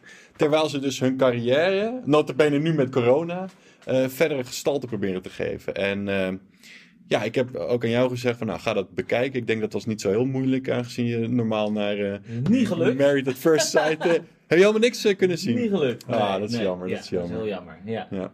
Je bent trouwens ook niet de enige die het heeft aangeraden. Ik heb het van meerdere kanalen heb ik toegespeeld Ja. gekregen. Dus staat hoog op de agenda. Maakt het niet uit. Het is... Je had, vroeger had je sterren zingen. En volgens mij, dat was ook zeg maar die soort van klasse C, klasse D Hmm. artiesten die daar eh, eh, probeerden door te breken. En wel eens Ja. een, een, een liedje op YouTube hadden of zo. Ja, Dus, maar eh, leuk om te zien. Je kan je er in ieder geval een voorstelling van maken. En Ja. waar het mij vooral om ging is... jij hebt natuurlijk als, als rapper in een vorig leven in jury battles gezeten. Ja. Ik zelf heb verschillende keren meegedaan aan talentenjachten, maar dan met acteren. Nou ja, ik denk dat jij ook wel ervaring hebt met, met, met dit soort dingen. Al is het Ik maar heb één keer met de talentenjacht meegedaan. ja, gewonnen? Nee, maar de jury die was eh, Keihard. biased. Biased. Oeh, dat heb ik ook wel eens gehad met stand-up comedy. Dat En toen ben ik met de interview nog zeg maar, zo gekat dat ze me allemaal woorden in de mond hebben gelegd. Zeg Oeh. maar. Dus Oei. Nooit meer. ik Nooit hou meer. niet van Marokkanen. Wat, wat voor Nee, nee, dit was voordat de hele Mar Marokkanen publiek waren. Ah, Oké, oké. Alsof ik arrogant was. Ah, Ah, nou, dat, eh, Nee. dat lijkt me sterk. Maar goed, dus we, we kunnen ons een voorstelling van maken van wat het is. Dat programma, tuurlijk, het is leuk om, om te kijken, maar ook niet meer dan één keer. Want het is echt cringe tv van je welste. Misschien nog één voorbeeld om het even te kunnen illustreren. Op een gegeven moment gaat een van die zangers, die ooit eh, tien jaar geleden een hitje heeft gehad met Helena. Eh, dus eh, voor de echte fans van het Nederlandse levenslied, ga dat eh, bekijken op YouTube. Die woont met zijn vriendin Ivana, of Ivanka, nee Ivana, op een woonwagenkamp, uiteraard. En hij gaat zijn show livestreamen. Eh, live dus vanuit een ehm, indoor midget golfbaan. Waarbij er dus geen publiek zit. Ja. En die Ivana neemt allemaal op met haar telefoon. En ze is nog slechter voorbereid dan wij. Want halverwege die livestream valt de batterij uit. Waarbij zij dus live de grond filmt, naar de hoek gaat om daar een ding in te steken. En de opa van die persoon is blijkbaar zijn grootste fan of zo. Dus die zanger. Dus die belt hem voor de show op van kom je dan aan kijken, weet je wel? Want ja, natuurlijk, die opa is 80 of zo en is overal corona en er zijn echte mensen. Dus die opa die durft eigenlijk niet zo goed. En dan gaat die meneer, die zanger, vertellen van... Ja, er zijn zulke egoïstisch sommige mensen, hè, die denken helemaal niet aan waarbij het dus op zijn opa doelt. Het is echt cringe tv van de bovenste plank. Mag ik even van de regisseur eh, het teken krijgen dat de accu nog oké is? Oké, Top. gelukkig. Dus, ehm, wat ik zag, en zeker ook bij dit shot, dat hij dus in die midget golfbaan aan het, aan het zingen is. En ik weet ook hoe het bij mij eh, eraan toe ging. Ik zag de cameramensen hem echt aanmoedigen. Zo van, hé, lekker, je bent lekker bezig. Eh, en en toen, toen, toen dacht ik eigenlijk van, ja, moeten deze mensen niet tegen zichzelf in bescherming worden genomen? Want volgens mij hebben ze helemaal niet door wat voor enorme publiciteit over ze heen krijgen. Nou, dat zie je nu met die René Leblanc, overspannen. Eh, eh, of is dit weer iets waarvan we zeggen van nee, het gaat allemaal hartstikke goed, vrije markt. Eh, het lijkt bijna een soort SP-podcast deze keer. Maar Ja. snap, snap je een beetje waar, waar ik naartoe Ja, wil? dat is heel lastig. Je, je had op een gegeven moment ook zo'nzelfde soort eh, programma eh, met, met dan eh, Nederlandse rappers. Die dan eh, ook naar Amerika gingen om daar een echte rapcarrière op te bouwen. En die waren ook allemaal een soort van, ja, randje, eh, ja, een beetje half tam, zullen we maar zeggen. Ja, En dat was ook, dat je, en de reden dat mensen dat keken, dat was overduidelijk. Dat was gewoon alleen uitlachen. Dat, dat, Precies. Niemand had zoiets van, oh cool zeg, echt. eh. Dus, dus ja, dat, dat is lastig, want zij hebben natuurlijk, zijn op een gegeven moment volwassen natuurlijk. Dus in principe zijn ze gewoon bevoegd om zich belachelijk te laten maken als zij denken dat dat oké is. Eh, ze zijn misschien niet gediagnosticeerd met het een en ander, al zitten ze er waarschijnlijk wel redelijk tegenaan. ja. Maar ja, er is niet echt een, een, een wet eh, die ze kan beschermen daarin. En nog willen ze dat waarschijnlijk. Want ik denk dat ze heel trots zijn dat ze daar zijn misschien of zo. Dat Ja. ze daar die shine krijgen. Ik denk ook niet dat ze worden gewaarschuwd. Ik denk dat het echt wordt gebracht alsof het de next eh, big thing is. En zij serieus worden neergezet als muzikanten.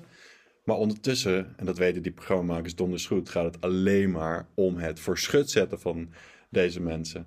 Ja, en het is wel zo, ze zien dat wel in wa- wanneer ze terugzien waarschijnlijk. Dan wel, maar dan Ja, is het al te ja, laat. precies. Dan kunnen ze Dat- dan niet meer normaal over straat. dat is, wel een beetje, dat is wel een beetje dubieus, zeg maar. Wat vind Maar- jij? Nou ja, ik denk waar de scheidslijn is, natuurlijk gaan deze mensen een of ander contract van tevoren moeten tekenen. Uiteindelijk, als je het ziet gebeuren, en dan, ik kan me heel goed voorstellen dat die mensen zelf, die zullen dat inschattingsvermogen niet hebben op dat moment. Maar zij moeten wel personen om zich heen hebben die tegen hun kunnen zeggen van, hé, hey, jongen, weet je wel wat er nu aan het gebeuren is? Maar als het dan de situatie is dat zij dus door een contract al vastzitten in dat hele proces en niet meer uit kunnen stappen, terwijl ze dat contract natuurlijk eigenlijk getekend hebben op het moment dat ze eigenlijk minder toerekeningsvatbaar is misschien een sterk woord, maar dat ze dat niet goed kunnen begrepen hebben. Als het dan vast ligt met een contract, is het exploitatie. Als ze, op dat, als wel op elk willekeurig moment kunnen zeggen van, hé, hey, fuck it, eh, ik word hier in de maling genomen, ik stap eruit. Ja, dan moet je toch uiteindelijk toegaan naar de eh, verantwoordelijkheid van een persoon of zijn familie of omgeving om daar dat in te zien. Maar ik kan me voorstellen dat hier ook gewoon contractueel gewoon vieze spelletjes gespeeld worden. Maar dat zullen wij natuurlijk nooit eh, in, in te zien krijgen. Maar ze zijn wel, tenminste, ik kan me voorstellen dat ze vaak ook gewoon oprecht onjuist geïnformeerd zijn. En dat het eigenlijk niet helemaal eerlijk is om te doen, als om te zeggen van hé, hey, we gaan je in het zonnetje zetten. En dan vervolgens een programma maken wat duidelijk zo geknipt is om je belachelijk te maken. Want dan is er wel sprake van ehm, ja, voorliegen eigenlijk. Hmm. Ik, ik denk dat hier ook een heel duidelijk onderscheid is en nou, misschien ook wel moet zijn tussen de eh, publieke media en de commerciële media. Want eigenlijk zou je kunnen argumenteren voor elk commercieel product dat je maakt, eh, dat diegene probeert om er zoveel mogelijk uit te halen. En ja, hoe doe je dat het beste? Door controverse te scheppen, door je verschut te zetten, door op die manier verkoop je advertenties. En, en als dit op de publieke omroep was, dan denk ik dat er kamervragen over werden gesteld. Dat denk ik echt. Want om met gemeenschapsgeld zoiets te maken. Hmm. Hoewel Man bij het Hond natuurlijk ook begon als een, eh, als een, eh, pro- als een product van de, van de publieke omroep. Maar daar kan je nog bij zeggen van dat was ook wel echt een soort van Wat eerlijker. interessa- in, Ja. ja. en interessant kijkmateriaal. Want dat ging wel echt om een soort van eh, merkwaardigheid van een persoon. Ja. Van die persoon ook wel wist dat het een merkwaardigheid Ja, was. Turbopolie. Ja. Schitterend. Ik heb niet Ja, het is, het is soms wel randje inderdaad. Maar Maar wat denken jullie dan van ehm eh, rapper shorts vind ik dan wel interessant. ja, Want dat is, denken, ja. maar dat is wel iemand die bewust ervoor heeft gekozen. En je kan misschien zeggen, van, oké, een gedeelte van zijn succes wordt bepaald omdat mensen het leuk vinden om hem belachelijk te vinden. Maar hij, eh, hij had een keer een interview met een Jens of zo, weet ik veel. En die zei dan, weet je, dat is dan zo iemand die natuurlijk toch vraagt van, hey, heb je wel door waarom jij zo populair bent? Slim. En ja, het was wel zeker een interessant tv-moment, zeg maar. Maar dus hij heeft daar een bepaald bewustzijn van. Dus het is dan, maar je kan ook zeggen, ja, eh, het kost hem niet, maar het levert hem ook wat op. Want rap shorts, ik bedoel, wij zijn allebei rappers. En misschien wel Nee, dat- getalenteerd als rapper, maar rapper shorts is veel succesvoller dan ons. Ja. En heeft er veel meer overgehouden. Dus wat dat betreft, dat maakt die scheidslijn nog vager voor mij. Van, weet je wel, ja, had rapper shorts tegen zichzelf in bescherming genomen moeten worden? Hoe voelt dat nou als je hoort dat rapper George succesvoller is dan jij? ja, god. eh, het blijft helaas een ding dat eh, alles wat, wat, wat niet normaal is, zeg maar, scoort. En Ja. al helemaal mensen die denken dat ze normaal zijn. Ja. En ondertussen zichzelf keihard verschut zetten. En eh, ja, het- helaas is niet iedereen zo eh, moreel eh, verantwoord als, eh, als wij dat Ja, het zegt wat zijn. over de staat van de mensheid natuurlijk. Dat dit Ook dat. als product gezien wordt waar je gewoon commercieel succes En mee kijk, ik vind dat je met humor moet je, moet je veel kunnen doen en zeggen. Weet je wel, maar maak ook de meest verschrikkelijke grappen hier over genocide en kindermisbruik. Maar als je dat in een soort van mm, jasjes probeert te steken, dat het zeg maar, ja, toch wel echt is of zo. Dat vind ik een beetje kwalijk en dat gebeurt hier. eh. Nou, kijk, het punt is dat met die programma's worden specifieke mensen echt belachelijk gemaakt voor de hele wereld. En daar kan je dus schade mee berokkenen aan iemand. Ja, En ik kan me best voorstellen dat zo iemand, als die dan naar de rechter zou stappen, of misschien zo iemand pleegt zelf zelfmoord of zo, en de ouders stappen naar de rechter van kijk hoe die hier geportretteerd is. Dat komt niet overeen met wat jullie in eerste instantie hebben gezegd bij de uitnodiging. nee. Dat, dat, dat die ouders dan best in hun recht staan voor wat ze doen. Oh, dan krijg je zo'n duur betaalde advocaat. en Die komt dan met zo'n boekje van... Nou, eh, kijkt u eens hier mevrouw, eh, regel 5, bladzijde 6. Nou, eh. maar wat wel zo is, tenminste, Gewoon voor er getekend. bij met eh, eerdere, zeg maar vroeger, natuurlijk reality-programma's zijn ooit begonnen met Big Brother en dat soort dingen. Volgens mij is er toen een periode geweest dat, zeg maar, als mensen kandidaat zijn of dat soort dingen, dat ze altijd wel een gesprek met een psycholoog Hmm. eh, erbij zat. Dus ik kan me wel voorstellen eh, dat dat een verplichting zou moeten zijn. Dat eh, zo'n persoon van tevoren door een onafhankelijke persoon, deskundige of whatever, dat hij daar een gesprek mee voert, die hem uitlegt. En, en dit is natuurlijk wel een soort exploitatieprogramma. Zeker. Waarbij absoluut ook mensen aangetrokken worden die misschien net niet zeg maar, dat zelf kunnen inschatten. Dus ik, ik kan me voorstellen dat dat wel een verplichting zou moeten zijn. Dat als je aan zo'n programma meedoet, dat er altijd een soort van screening aan vast zit die onafhankelijk is van eh, het programma, de programmamaker. Maar ja, dan krijg je weer van... Ja, wie moet dan die psycholoog betalen? En als het een commerciële Ja, zender is... Programma, Het programma. Ja, precies. Dus dan kan hij niet echt onafhankelijk zijn. Ja. Aangezien hij betaald Ja. wordt door degene die er baat bij heeft... om die mensen te Nou ja, casten. laat dan eh, daar iets voor ingesteld worden door de overheid. Precies, dus dan ga je weer. De overheid. Nee, maar ik bedoel, net als dat. ehm, kijk, iemand kan gewoon een. eh, kijk, als je, als je iemand inhuurt en diegene heeft een beroep, die is psycholoog, Ja. die kan, dat kan niet, niet iedereen kan roepen: ik ben psycholoog. Nee. Daarvoor moet, je, moet je gewoon die bepaalde opleiding hebben gedaan, moet je een bepaald diploma hebben, moet je enzovoort. Ehm, natuurlijk, diegene kan zich ook laten omkopen, maar wat, wat heeft die er dan aan? Die wordt gewoon betaald, Ja. net als door andere partijen. Ja, het klinkt een beetje als de slager die zijn eigen vlees keurt. En dat vind ik een beetje eng. nee, dan het is dus een andere partij. Ja, een soort externe slager. Inderdaad. De slager van de Balkan.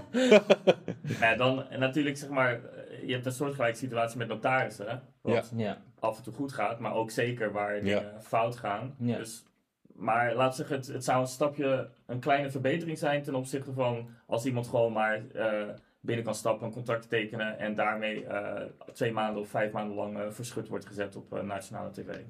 Nou, in ieder geval- Notarissen zijn wel de grootste boef op aarde trouwens. Ja. Ja. Ze echt een handtekening en die vragen er 4000 euro voor. ja, ja, ja. Dat terzijde. Tja, dat is meer dan Sylvester Stallone eh, vraagt. En Whoopi Goldberg.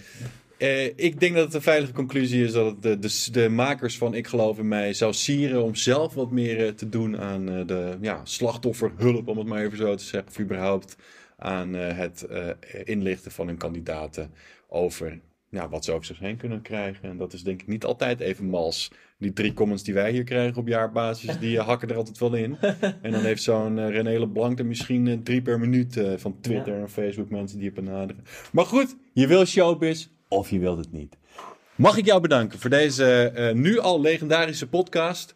Eh, mag ik jou wederom bedanken voor deze nu al legendarische deel van het podcast. En jullie natuurlijk voor je aandacht. Eh, en eh, ik zou zeggen, abonneer je, laat een comment achter. En tot de volgende keer hier bij Nerdbirds. Nerdbirds, doei! Doei, zwaai maar even je mama. Doei. Zeg, hou je van games, hou je van films, hou je van allemaal de hardware series, Netflix en zo? Abonneer je dan nu. Nerdbirds.nl